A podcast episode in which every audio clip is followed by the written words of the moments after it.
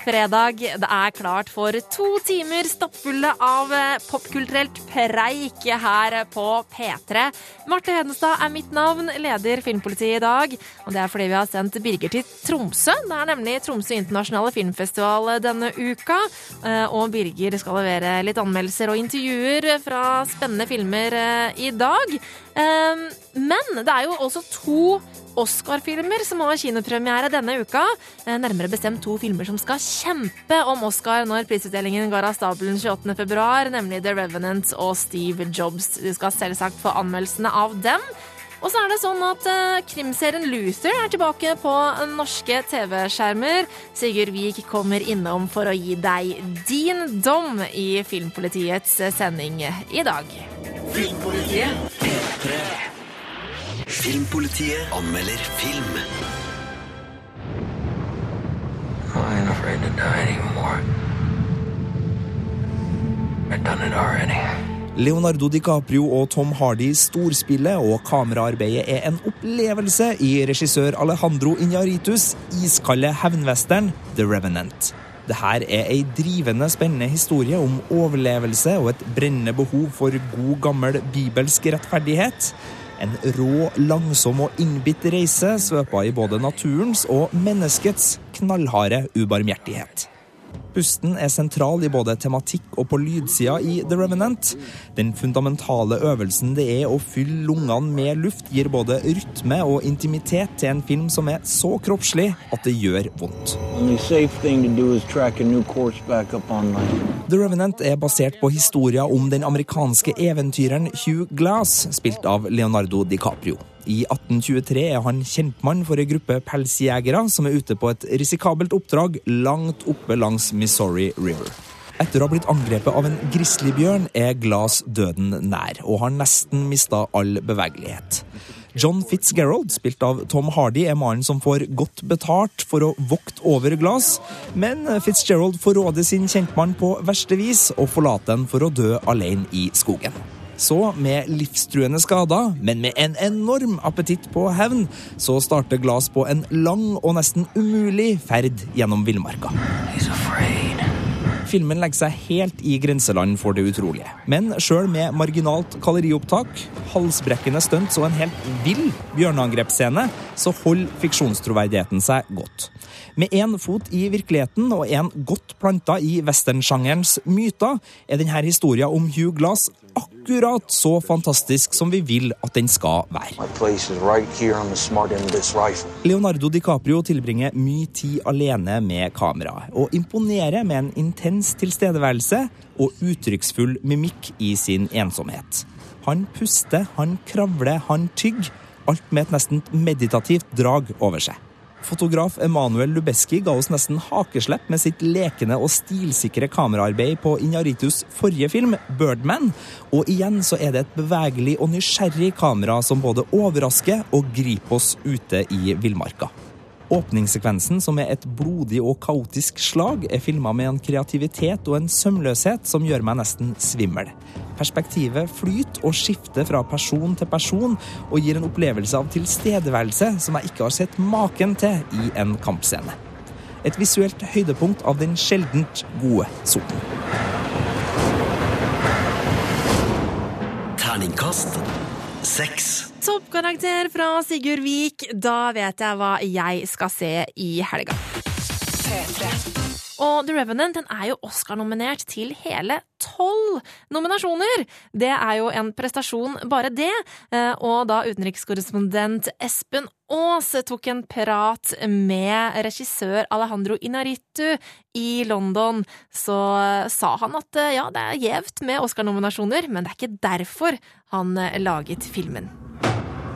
Den filmatiserte historien om jegeren Hugh Glass og hans kamp for å overleve har så langt blitt belønnet med tolv Oscar-nominasjoner.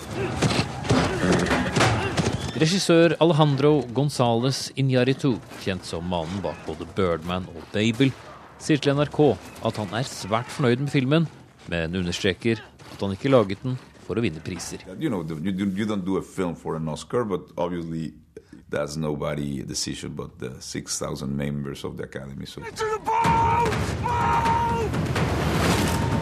Det meste av handlingen er naturlig nok bygget opp rundt Leonardo DiCaprio som spiller hovedrollen. Men et jaktlag med flere kjente fjes, deriblant noen sekunder med norske Kristoffer Joner, er også til stede. Donald Gleeson, kjent fra både Harry Potter og den siste Star Wars-filmen, sier likevel at alle skuespillerne følte de var viktige i filmen. Everyone mattered. I think, you know, Hugh Glass's story doesn't just happen by itself. Leo's very much front and center, and that's rightly so. But um, everybody, I, I, I, when I look around that group of trappers, I think we would have desperately missed anyone who wasn't there. We had a deal, Glass. No. Flere av åpningsscenene i The Revenant består av flere minutter lange kamerakjøringer uten ett eneste klipp. Med bare noen få timer tilgjengelig med dagslys hver dag i den ugjestmilde canadiske villmarken, krevde det mye planlegging, forteller Injaritu. It's a lot of planning in advance, rehearse in advance, meticulously prepare and then execute it in a very panic uh, state of one hour and a half of light and try to get it right. So, yeah, that was kind of the process of every day. Og som nevnt er også norske Kristoffer Joner med i noen få scener i starten av filmen, i rollen som jegeren Murphy, som bl.a. skjærer av seg håret for å bli kvitt lus. Regissøren skryter av en skuespiller med mye motivasjon. Wonderful person, you know, he was, uh, he always shows, you know, high spirit, great disposition, you know, great moments, camaraderie with all the actors and you know, I, I love working with him. Og medskuespillerne er like fulle av lovord. Her er Donald Gleeson sammen med Will Polter, sistnevnte kjent fra filmer som The Maze Runner og Narnia, Reisen til det ytterste hav. Chris is brilliant, and we knew he was good at everything. He was good at everything. And Yeah. if he wasn't good at a game, he would become the best at the game. Hvor mange, om noen, av de tolv nominasjonene som resulterer i Oscar-statuetter, gjenstår å se, som det heter. Men det mangler neppe på forventninger. Espen Aas, London. Takk til Espen Aas, og The Revenant har altså kinopremiere i dag. Filmpolitiets overkonstabel Birger Vestmo befinner seg i Tromsø denne uka fordi det er Tromsø internasjonale filmfestival, og mandag kveld så ble festivalen åpna med urpremiere på Margaret Olins dokumentarfilm om Snåsamannen. Filmen heter Mannen fra Snåsa, og den har vanlig kinopremiere i dag. Eh, Og ifølge Birger så er det her en dypt fengslende dokumentar om en ambassadør for det gode. Du har vært syk lenge, da? Snart tre år. Det spiller ingen rolle hva du tror eller ikke tror om Joralf Gjerstad, også kjent som Snåsamannen. Er det en dokumentarfilmskaper jeg stoler på, så er det Margaret Olin. Og hun har laga en dypt fengslende film om han, som kun har stjålet en kjent Hollywood-tagline, You Will Believe. Filmen i seg sjøl er nøkternt laga, uten store formmessige krumspring. Den trenger det heller ikke, for her holder det med fokus på interessante subjekter. Mannen fra Snåsa holder meg konsentrert og engasjert gjennom hele spilletida, både pga. godt håndverk og en spennende tematikk. Og at det virkelig skjer noe med folk når de får Gjerstads varme hender på seg, blir vanskelig å fornekte etter denne filmen. Det kommer nerver av folk som er sjuke, da får jeg signal i min egen kropp. Joralf Gjerstad er landskjent for sine påståtte evner. Riktignok har han slutta å ta imot folk, men har gjort et unntak for denne filmen. Utvalget er tilfeldig, skal vi tro en tekstplakat. Olin skildrer de her møtene gjennom Øystein Mamens oppmerksomme kameralinse, som fungerer som en nøytral observatør av det som skjer. Enten det er bygningsarbeideren med fallskade, skuespilleren med angst, den lille jenta med låsninga, dama med brystkreft, tenåringen med ME eller hun som har medfødt vannhode, møter Gjerstad dem med den samme varme imøtekommenheten og oppriktige interessen. Jeg vet bare ikke hva jeg skal gjøre, for det bare gjør så vondt. Det store spørsmålet er sjølsagt hvorvidt Joralf Gjerstads evner er virkelige eller ikke. Ser vi mirakler skje foran kamera? Gjerstad og hans varme hender ser i hvert fall ut til å finne ut ting om de besøkende som han umulig kunne vite på forhånd, og man får inntrykk av at de har en absolutt følelse av at noe spesielt skjer med dem. Det er noen fabelaktige sekvenser i denne filmen, der man kan få både klump i halsen og undring i sinnet av de besøkendes reaksjoner. Den er òg helt ærlig på at effekten er forbigående for noen, og at andre ikke kan hjelpes i det hele tatt. Dette? Ja! Hvordan gjorde du det? Det går en strøm av menneskelig godhet gjennom filmen, som òg er Olins uttalte motivasjon for å lage den. Joralf Gjerstad fremstår som det godes ambassadør, slik hun portretterer han. Om hans hender virkelig kan omgå legevitenskapen, får bli opp til den enkelte tilskuer å bedømme. Filmen gir ingen svar på hva som forårsaker det her, om det er snakk om placeboeffekt eller en annen form for psykologisk virkning. Heldigvis, får han si, for det gjør mannen fra Snåsa desto mer gåtefull, spennende og interessant. Men det fineste som er skapt, det skjer jo ikke. Og det er mennesket. Terningkast fem. Og Birger så mannen fra Snåsa på urpremieren under Tromsø internasjonale filmfestival denne uka, men hvis du har lyst til å se filmen, så har den ordinær norgespremiere i dag. Les mer om film, spill og serier på p3.no Filmpolitiet. Regissør Reinert Kiel han er kjent for enkelte for sine exploitation-filmer Hora og Inside the Whore. Eh, Og på onsdag så hadde Tromsø internasjonale filmfestival eh, verdenspremiere på hans nye film Huset, der han har gått over i skrekksjangeren. Og Birger Vestmo møtte en spent filmskaper noen timer før den aller første visningen. Lise, hører du meg? Nervøs og veldig, veldig glad. Jeg er veldig glad for å være ferdig med tre års verk, eh, og ekstremt nervøs for eh, Det begynte jo med én visning, og nå har de måttet gå opp til eh, to saler. Så det betyr jo at det kommer veldig, veldig mye mennesker. Så det gjør, man, gjør meg jo naturligvis litt nervøs. Men det er jo er ikke det en positiv ting, tenker jeg. Far ut, demon. Forlat den uskyldige pikens kropp. Kan du forklare litt hva huset handler om? Ja, det handler om eh, to tyske soldater som har tatt i, fak, eh, tatt i fange en eh, norsk soldat. Og det her er rett etter et slag, så de havna ute i ødemarka i norsk iskalde ødemark. Og forfrossen og sulten. Og så møter de et hus som viser seg å være veldig, veldig varmt med første øyekast. Men Og der stopper jeg.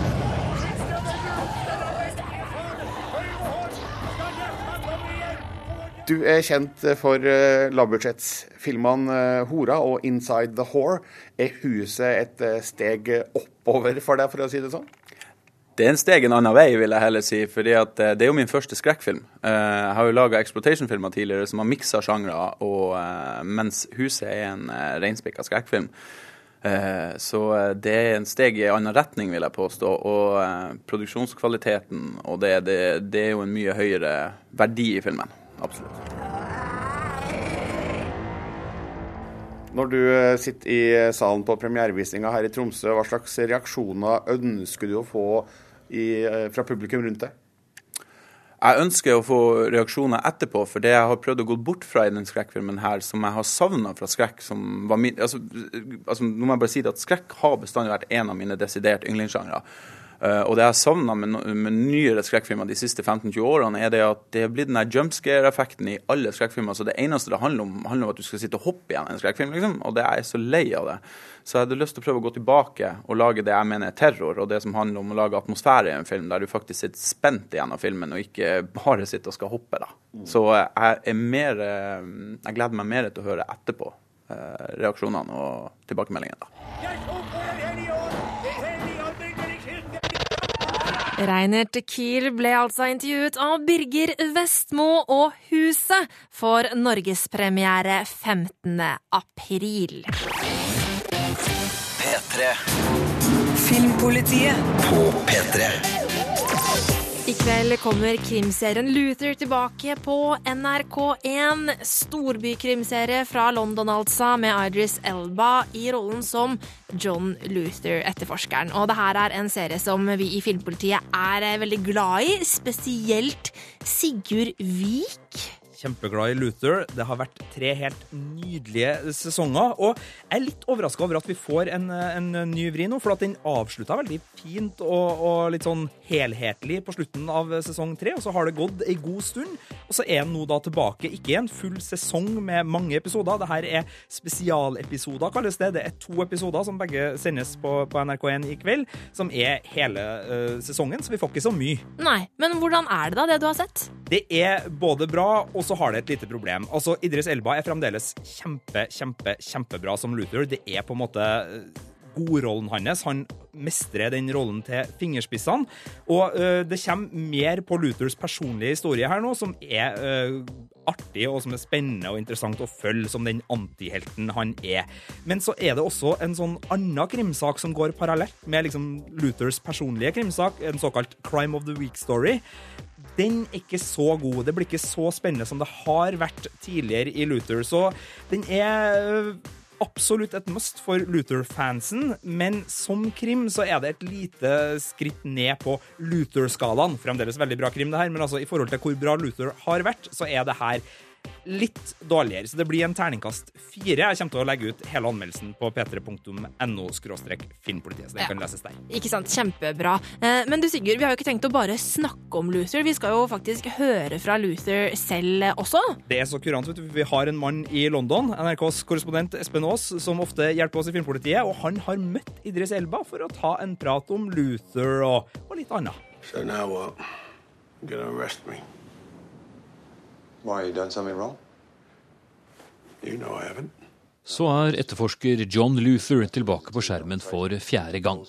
Etter den noe dramatiske avslutningen på forrige sesong er han permittert denne gang, men det blir ikke så mye hvile på ham likevel. Og det er ikke mye hvile på mannen som spiller ham heller. Idris Elba er en av Storbritannias mest ettertraktede skuespillere for tiden, og han takker rollefigurene som gjorde ham kjent. most iconic television you've seen, The Wire and Luther. I wouldn't, I wouldn't have this opportunity as an actor to progress because most of the times the directors and people I work with would go, Oh, I loved you in Luther, or I loved you in Stringer Bell. What's your boss? Benny, what's going on with this Alice Morgan thing? Og selv om det nok var Stringer Bell i The Wire som virkelig gjorde ham til et stornavn, så er det Luther han elsker. I tjeneste for det gode, men slettes ikke uten noen plagende demoner. A complex guy is always the best character. So bad guy with a good side, or a good guy with a bad side. I think when I look at my own who I am as a person, you know, there were certain good things about me and there were certain bad things about me, but one wouldn't, you know, survive without the other. We won't know who that is unless we're in there. The answer is no. Etter fire sesonger er det nå ganske åpent hva som skjer videre med Luther. Det er blitt snakket om å lage en spin-off-serie med den uberegnelige fem fatalen Alice Morgan. Og det har vært snakk om å flytte Luther til det store lerretet. Så hva skjer, spør vi Idris Elba. I'd like to say that the character of John Luther will probably stay for a long time. I love the guy. I love playing him, and it's taxing. It's dark. There's a lot of energy that's absorbed by playing him, but it's also quite cathartic. You know, it's because I get to live out some of my own issues with, John. What are we waiting for? Bomb squad. Men inntil videre så er det fredagens dobbeltepisode på NRK1 det siste vi ser til etterforskeren fra Øst-London. Selv har Idris Elba en rekke prosjekter på gang.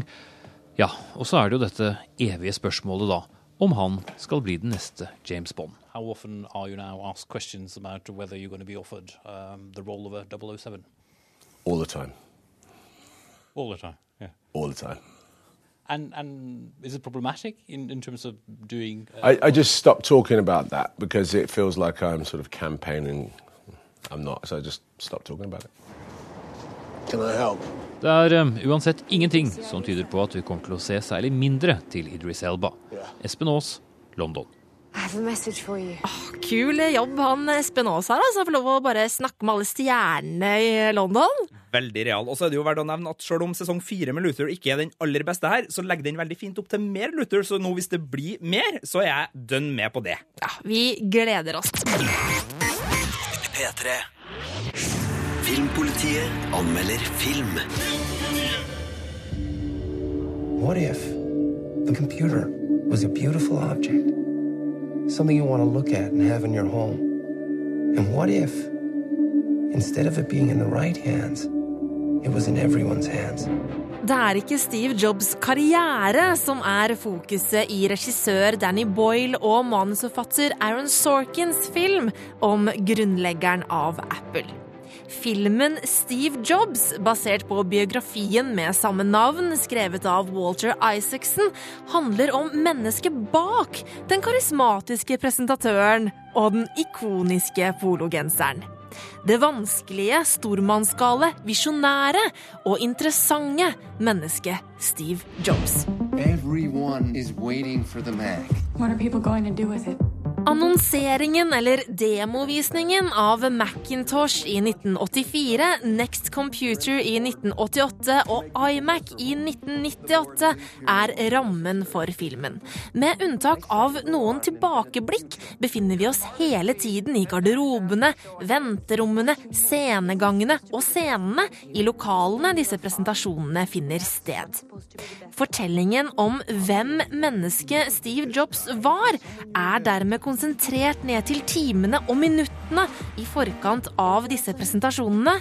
Øyeblikk som er fylt av nerver og spenning, der folks virkelige meninger og personlighet kommer frem.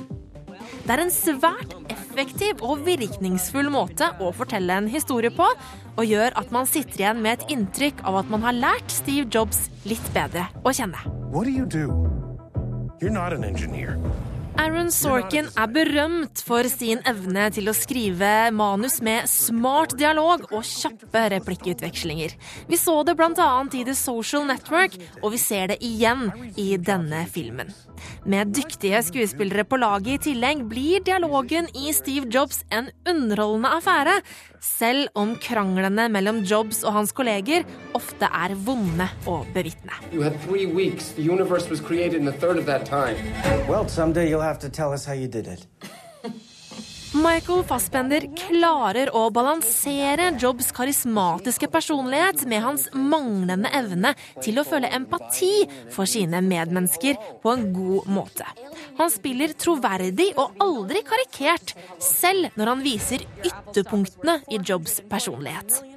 Jeg forstår godt at Fassbender ble Oscar-nominert for rollen, og det samme gjelder Kate Winslet, som er fabelaktig som Jobs assistent Joanna Hoffman.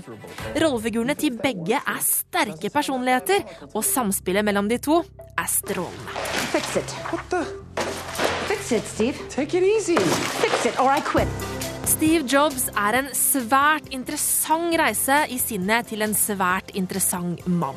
Og selv om filmen blir litt vel pompøs mot slutten, blir jeg rørt og imponert over mannen som var villig til å ofre alt for det han trodde på, som var kompromissløs i jakten på å nå sine mål, som hadde et enormt ønske om å sette sitt fotavtrykk i historien. Og det kan vi jo trygt si at han klarte. You're the only one who sees the world the same way I do. No one sees the world the same way you do. Terningkast fem. En sterk anbefaling fra meg der, altså. Og hvis du klikker deg inn på p3.no filmpolitiet, så finner du en litt uh, mer dyptpløyende anmeldelse der. P3. Filmpolitiet anmelder film. Den italienske filmen 'Middelhavet' har kinopremiere i dag, og den kunne knapt ha vært mer aktuell, ifølge Birger Vestmo. Den handler nemlig om migranter som tar seg fra Afrika til Europa, og er solid sosialrealisme med høy troverdighet.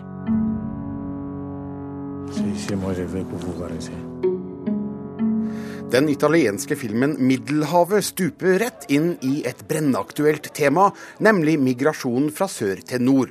Regissør og manusforfatter Jonas Carpignano forteller en historie som er like enkel som den er vanskelig. Det er et drama som ikke tyr til tårer og store emosjoner. Kanskje ville det gjort det enklere for publikum å relatere seg til hovedfigurene, men her har man valgt å gå for sober troverdighet i stedet for potensielt overspill. Det har slått heldig ut, for Middelhavet Middelhavet er solid sosialrealisme. Vi møter Aiva, spilt av Kodo Seihon, og Abbas, spilt av Alassane Sy, fra Burkina Faso, idet de forsøker å ta seg fra Nord-Afrika til det forjettede Europa. Men det er ikke noe paradis som venter dem på den andre sida. Mens Abbas nærmest resignerer, jobber Aiva hardt for tilværelsen. De får hjelp fra slekt og andre afrikanere, men begge skal få oppleve at ikke alle ønsker dem like hjertelig velkommen til Italia. Denne filmen forteller altså to historier. En om hvordan menneskesmuglinga kan oppleves, og en om hvordan migranter kan tenkes å bli mottatt i enkelte deler av Europa. Begge deler skildres forholdsvis nøkternt av regissør Carpignano. Jeg tror på beskrivelsene av hvordan migrantenes samfunn utenfor samfunnet fungerer, hvordan de kjøper, bytter og selger på det illegale markedet, hvordan de kommuniserer muligheter på sosiale medier, og må aktivt bruke gråsonene for å overleve. Kodo Seihon er imponerende god i hovedrollen som Aiva. Han underspiller rollen med svært få emosjonelle utbrudd. Når de først kommer, har de derfor større virkning. Ellers bruker regissøren mange uerfarne skuespillere, og det merkes nok av og til at de kanskje ikke har gått Teaterhøgskolen, men det gir òg filmen en høy grad av autentisitet. Jeg tror virkelig på miljøet som skildres, og figurene som befinner seg der, i ruiner og under presenninga ved et jernbanespor.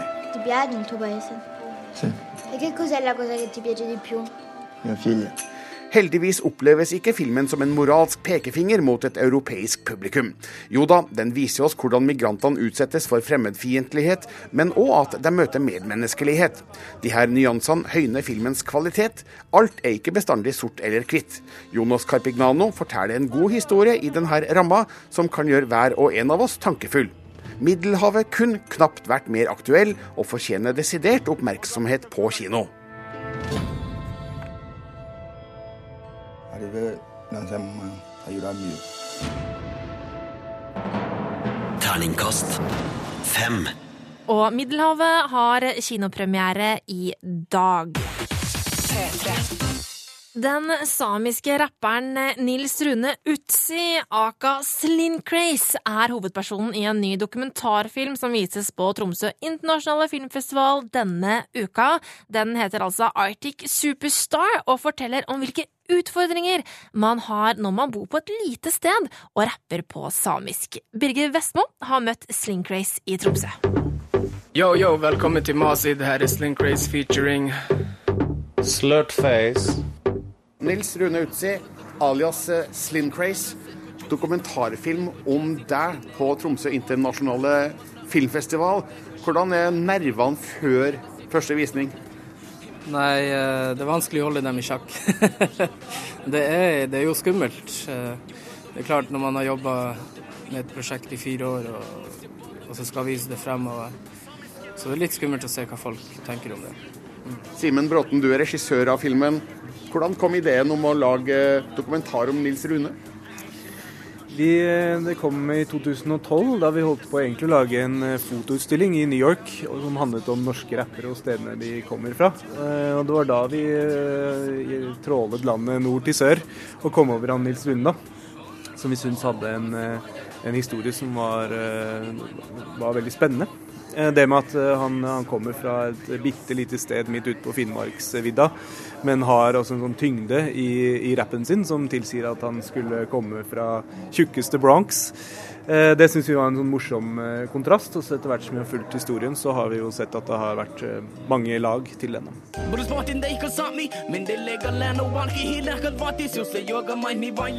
Ja, hva tenkte du Nils Rune da du fikk forespørsel om Hei, vil du bli sentralt midtpunkt i en dokumentarfilm?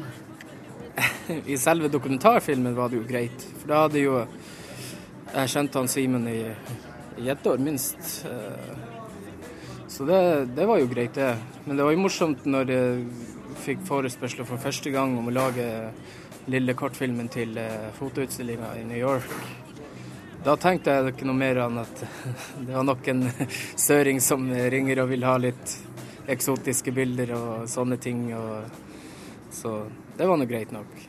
ورسالة مونتون شهبي لجلس تغمون لكاسات تو يتنرق لوش ماسان دو بلو بيرو تيس بحتا دو رسن داسا هلبونو إسا راسات Hva er historien om deg som eh, folk eh, får fortalt i filmen? Nei, det er jo en eh, struggling artist som prøver å klare seg, rett og slett. Ja. Hvorfor er du en struggling artist? Nei, altså det er jo samisk musikk er jo ikke akkurat verdens letteste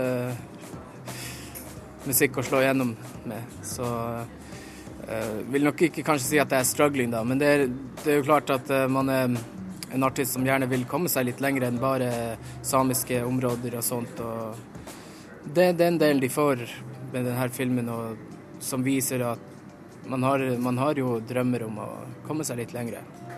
Nils Rune Utsi aka Slinkcraze og regissør Simen Bråten ble intervjua av Birger Vestmo. Arctic Superstar vises på Tromsø internasjonale filmfestival denne uka, altså, og kommer til å bli vist på NRK litt senere i år. P3. P3. Filmpolitiet anmelder film. Denne uka er det kinopremiere på Pixars nye storfilm Den gode dinosaur. Eh, Og denne gangen så har Pixar og Disney sikta seg inn mot den yngste delen av fansen, og anmelder Sigurd Vik mener det fører til at eh, filmen har mista mye av den sofistikerte humoren som Pixar er så kjent for.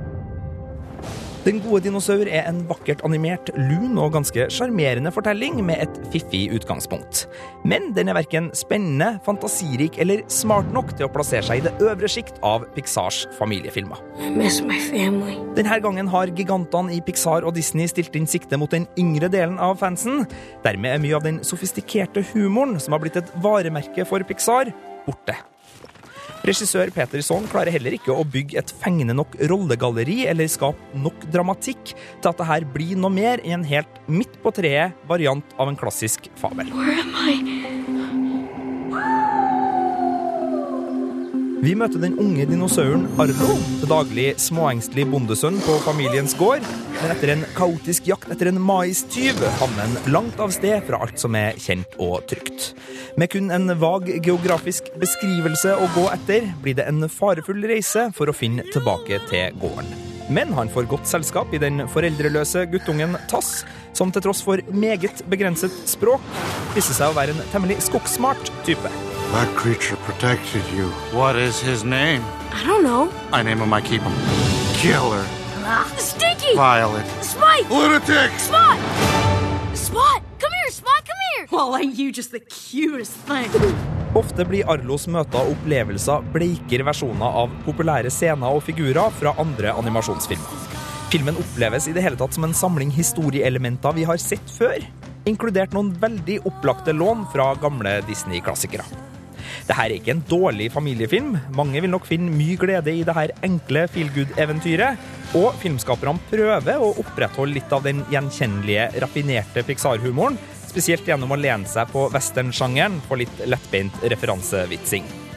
Men når det gjelder publikums innlevelse i figurene og nerven i historien, ligger det her langt bak selskapets egne storfilmer. Vennskapet mellom dinosaur og guttunge finner aldri en naturlig kjemi fra karakterene sjøl, og regissør Son må ty til ganske pompøse visuelle triks for å skape tårefylt samhørighet mellom dem to. Dette er et av flere plaster som holder Den gode dinosaur greit sammen som fortelling, men det er også sånne nødløsninger som gjør at filmen svinger dårlig som helhet og blir en real Pixar-skuffelse.